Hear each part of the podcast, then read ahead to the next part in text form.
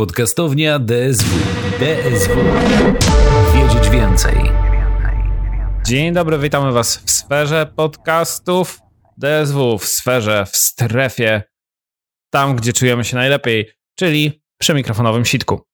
Moi drodzy, dzisiaj porozmawiamy sobie o tym, jak gry oddziałują na nasze umysły. E, zastanowimy się trochę nad tym, jak tak naprawdę wirtualna rozrywka zmienia nasz, nasze zdolności percepcyjne, jak nas rozwija i czy faktycznie nas rozwija.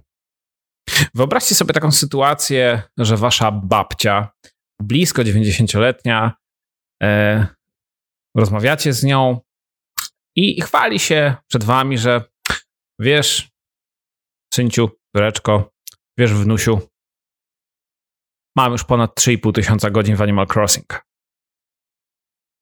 Niemożliwe? Jak najbardziej możliwe.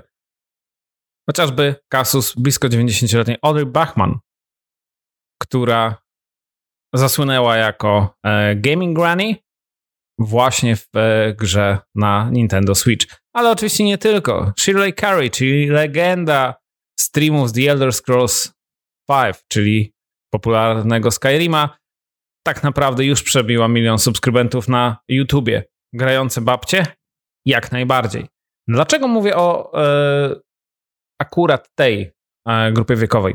Bo tak naprawdę gry bardzo często kojarzone są przez nas z osobami młodymi, nastolatkami, ewentualnie osobami, które e, gdzieś, które gdzieś kojarzone są z wiekiem dojrzewania, ewentualnie studentami. Oczywiście jest to stereotyp gdzieś jeszcze pokutujący z lat 90., bo tak naprawdę dzisiaj gry są medium globalnym, niezależnym od wieku. Każda z grup wiekowych znajdzie w grach coś dla siebie. Przede wszystkim chodzi tutaj o motywację, ale także o sposób reakcji, o sposób przeżywania tych emocji i o to, czy tak naprawdę są zaangażowani psychicznie bądź nie. Czy właśnie tego zaangażowania nie ma? Jeśli go nie ma, to dlaczego? Te pytania, może trochę, e, trochę bardziej wylistowane niż ja to zrobiłem w tej chwili, tak naprawdę od lat zadaje sobie wielu projektantów, ale również dziennikarzy, psychologów, e, czy badaczy zajmujących się mediami, zajmujących się też e, game studies. To pytanie można określić też jednym bardzo konkretnym zdaniem. Jak gry oddziałują na nasze umysły? Jakie procesy kognitywne zachodzą tam w środku, jak pracują nasze, e, nasze komórki, jakie elementy muszą się zadziać, żeby faktycznie nasz umysł mógł tutaj e, sprawnie funkcjonować i wykorzystać potencjał, jaki mają gry do maksimum. Oczywiście e, powiedzmy sobie szczerze, to są pytania, które przynajmniej kilka razy w miesiącu padają w większości dużych firm zajmujących się projektowaniem gier, bo tak naprawdę to od tego właśnie e, bardzo często się zaczyna. Ale jeżeli popatrzymy na to trochę szerzej, nie tylko z punktu widzenia projektowego, nie tylko z punktu widzenia powiedzmy stricte biznesowego, to e, pytanie, czy w ogóle stwierdzenie, e, jak rozwija nas sam proces grania w gry, e, nie ma na to jednoznacznej, prostej i jednolitej e, odpowiedzi. Spodziewam się, że część z Was oczywiście na taką odpowiedź liczyła, ale bynajmniej nie da się tego w taki sposób przedstawić. Badania i analizy e, dotyczące psychologicznego punktu widzenia na gry, tej psychologicznej perspektywy na gry, tak naprawdę pojawiają się już od lat 70.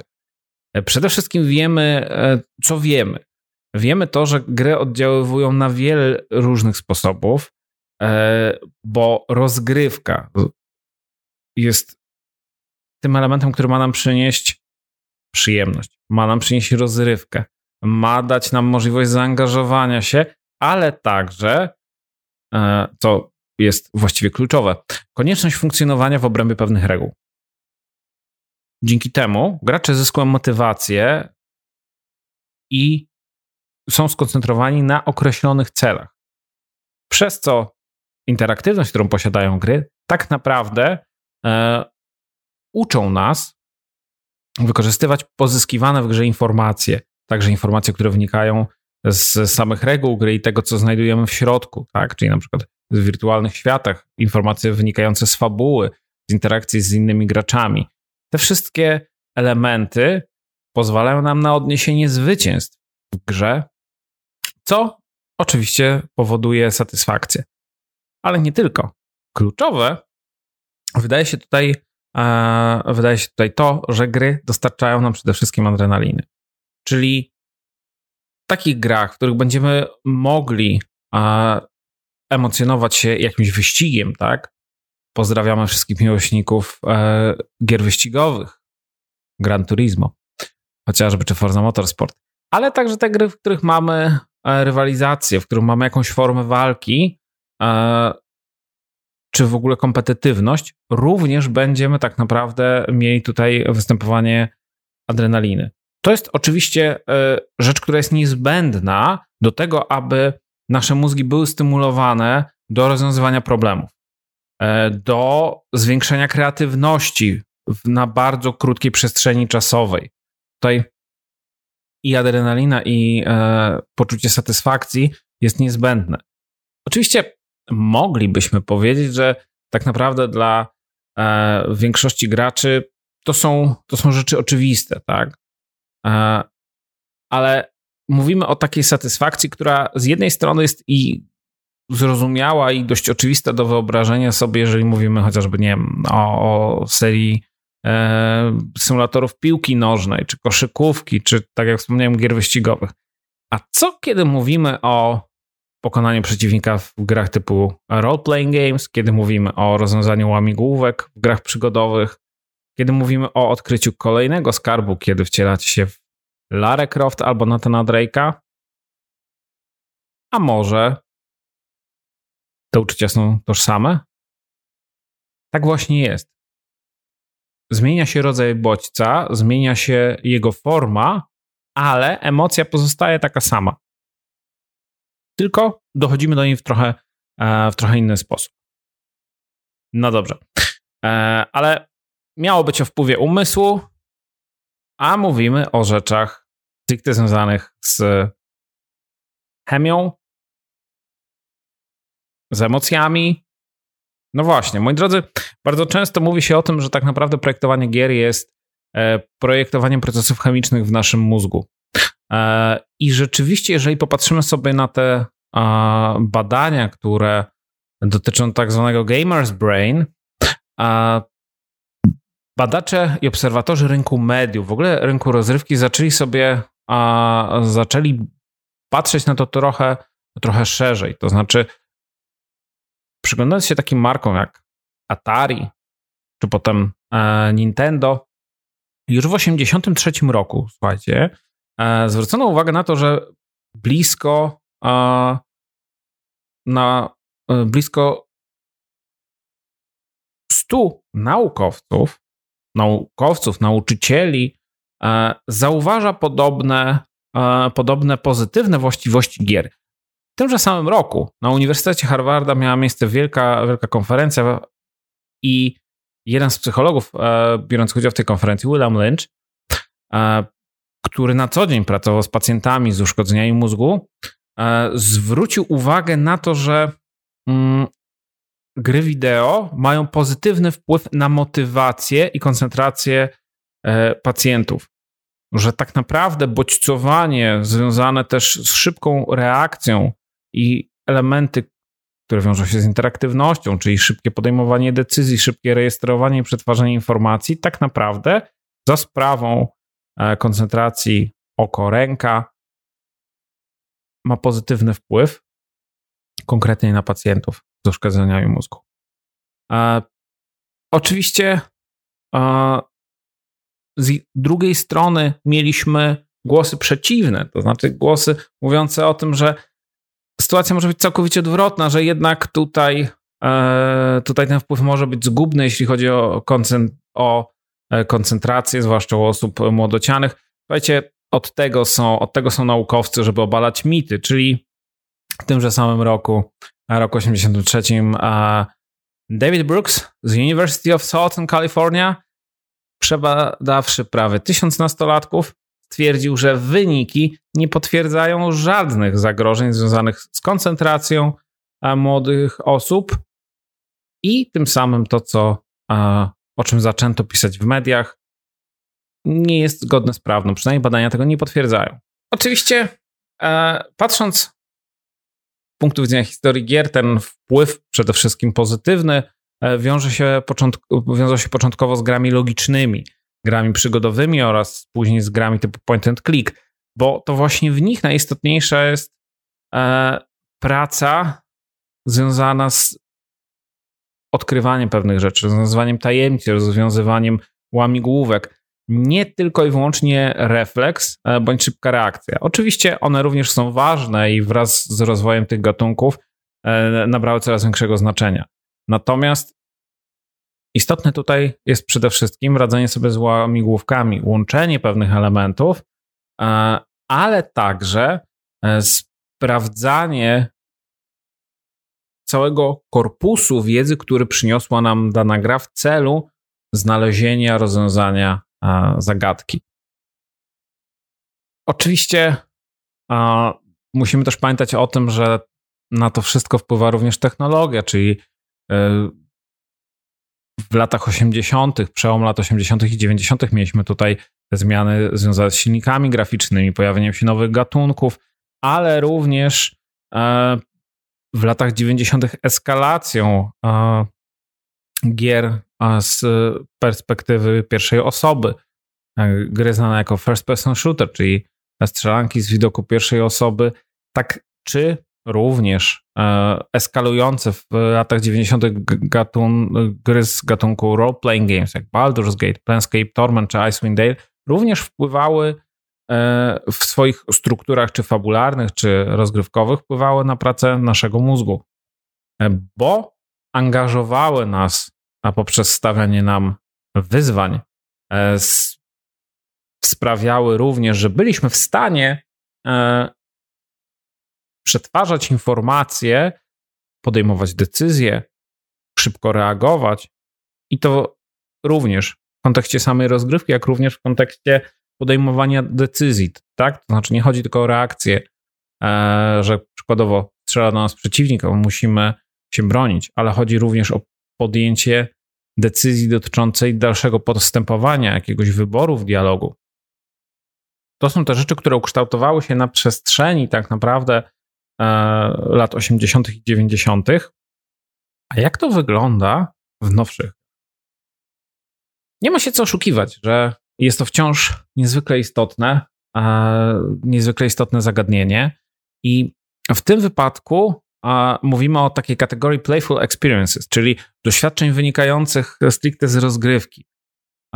Kiedy mówimy tutaj o, o takich e, grach, które wymagają od nas z jednej strony e, skupienia, z drugiej podejmowania decyzji, ale także e, szybkiego przetwarzania informacji, to możemy tutaj zwrócić uwagę na e, szerokie spektrum tych doświadczeń, które niesie rozgrywka.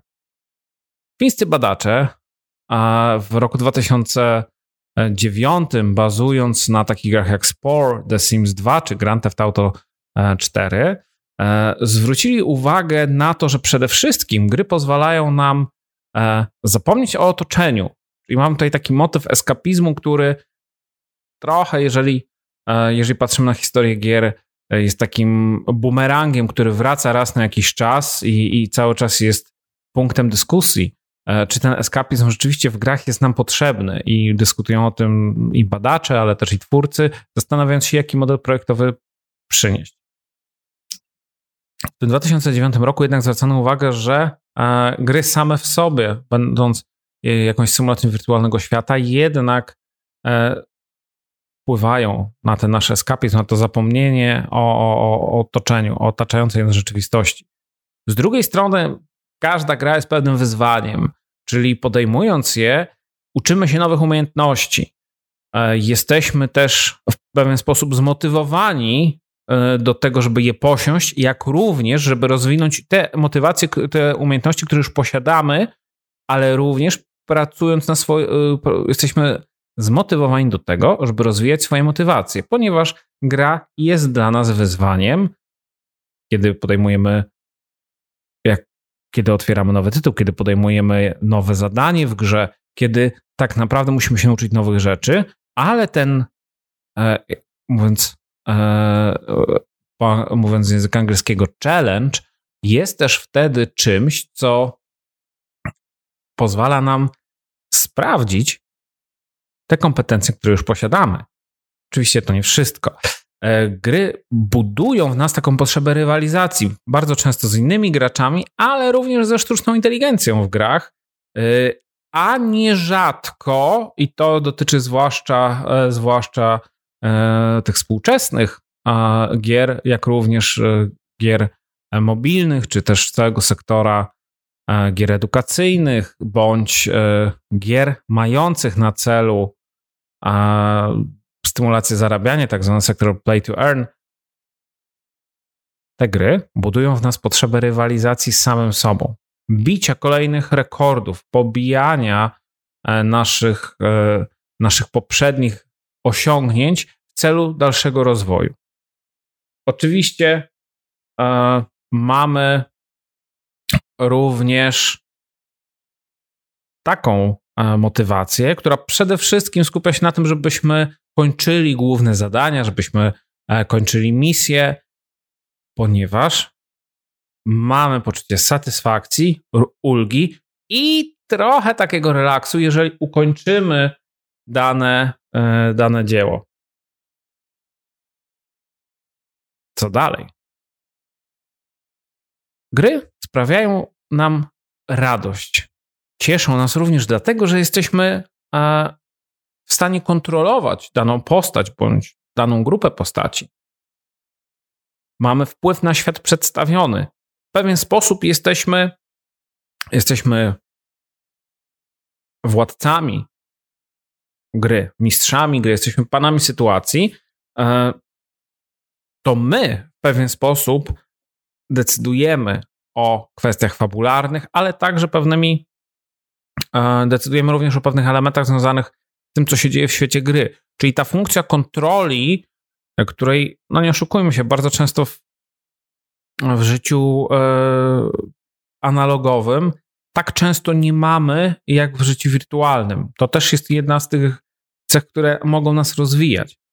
Oczywiście e, kolejna rzecz, którą dają nam gry i które wyzwalają adrenalinę, e, wyzwalają poczucie satysfakcji, wy, wyzwalają również endorfiny, ale także wyzwalają w nas poczucie ciekawości, to przede wszystkim możliwość odkrywania nowych miejsc, rozwiązywania pewnych problemów, poznawania nowych światów, ale także znajdowania nowych obiektów. To jest wszystko to, co obserwujemy obecnie w grach wysokobudżetowych za sprawą tak naprawdę e, gier typu open world z dużymi, otwartymi bądź quasi otwartymi światami, które mają nam pomóc e, przeżyć tę przygodę. Przeżyć przygodę w tym świecie, którego my jesteśmy odkrywcą, dobywcą, ale także obserwatorem. Co za tym idzie? Gry rozwa- rozwijają e, i wykorzystują naszą potrzebę eksploracji, właściwie zmysł eksploracji, który już mamy trochę wyćwiczony poprzez nasze doświadczenia gamingowe z poprzednich lat. I ta potrzeba też eksploracji i to, co ten, e, co nasz umysł z tym e, wszystkim robi, to jest tak naprawdę eksploracja na poziomie nie tylko zwiedzania świata, odkrywania nowych tajemnic, ale również tak naprawdę podejmowania relacji, w ogóle wchodzenia w relacje z różnymi postaciami, jak postaciami w grze, jak również z graczami, którzy też w tym wirtualnym środowisku są. Tutaj wiadomo, że e, wszyscy miłośnicy gier typu MMO będą mogli o tym powiedzieć jak najwięcej, bo tak naprawdę struktura tych gier i rozgrywka opiera się na wspólnej eksploracji właśnie z innymi graczami. Rzecz kolejna, e, o której nie wolno zapomnieć, czyli przede wszystkim to, że gry dają nam możliwość uczestnictwa w świecie, który nie jest rzeczywisty, e, gdzie możemy obcować z niesamowitymi postaciami, stworzeniami, możemy obcować z niesamowitymi historiami. Ten element fantastyczny, które niosą ze sobą gry, niezależnie w jakiej są konwencji, niezależnie w jakim są gatunku, tak naprawdę również powoduje, że nasz mózg się rozwija, bo jesteśmy w stanie dzięki temu gdzieś połączyć ze sobą pewne informacje i rzeczy, które widzimy w odrealnionych e, realiach w stosunku do naszej rzeczywistości, jesteśmy w stanie zidentyfikować je jako pewne elementy, które widzimy ze świata rzeczywistego, które znamy ze świata rzeczywistego, i w ten sposób budujemy sobie też cały szereg punktów odniesienia.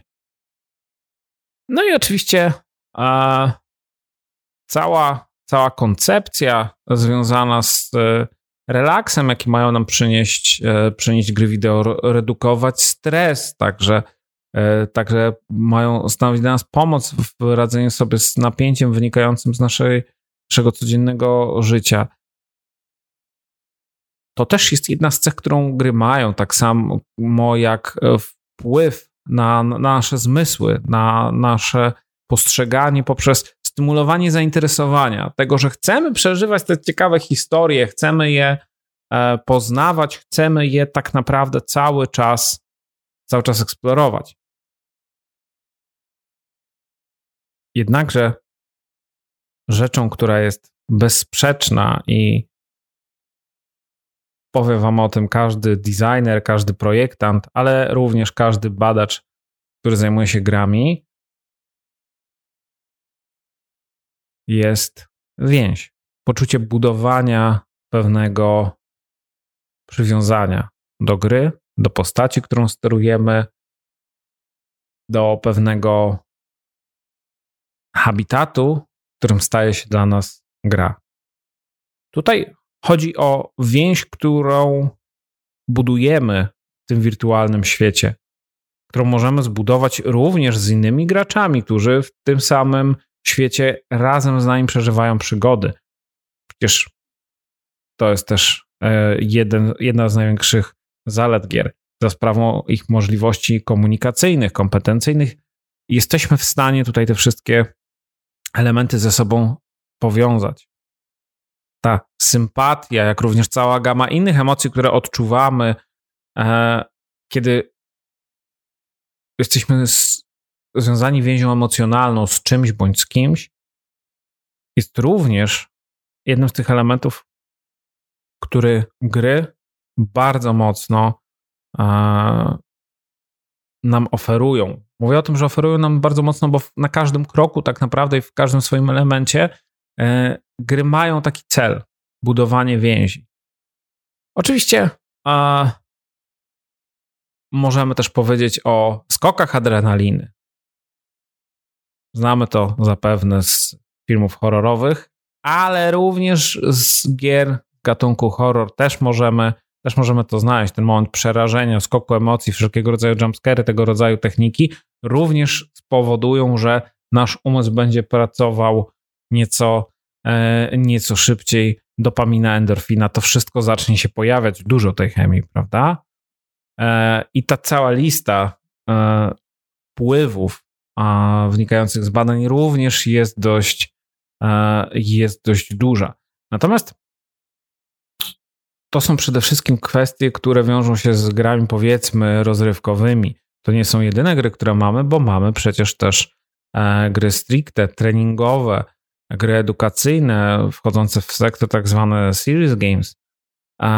Natomiast tutaj możemy powiedzieć o tym przede wszystkim, że elementem wspólnym dla wszystkich gier jest mniej więcej, niezależnie od tego, czy to są gry mające służyć stricte rozrywce, czy gry szkoleniowe, gry edukacyjne, bo takie gry zapewne będą tematem kolejnego pod, jednego z kolejnych podcastów. Elementem spójnym dla wszystkich gier jest przede wszystkim praca nad naszą pamięcią, nad przyspieszeniem e, zdolności percepcyjnych, nad e, stymulowaniem przepływu informacji między naszą pamięcią krótkotrwałą a długotrwałą. Jest to też również praca nad naszą pamięcią fragmentaryczną, ale także ale także jest to praca na naszej uwadze i pewnej korelacji tej uwagi, ale także tych wszystkich elementów związanych e, z pamięcią, z wynikami, które osiągamy w grze. I to jest to, co tak naprawdę pojawia się e, jako fundament do rozwijania konkretnych umiejętności, które przynoszą nam gry. Tej informacyjnej pigułce poświęconej temu, jak gry wideo wpływają na nasz mózg. Żegna się z Wami, myśląc o, o kolejnych grach i o kolejnych naukowych zagwozdkach związanych z technologiami, z gamingiem i z IT. Dr Adam Flama z Dolosiąskiej Szkoły Wyższej. Do usłyszenia w sieci, w eterze i do zobaczenia na szlaku.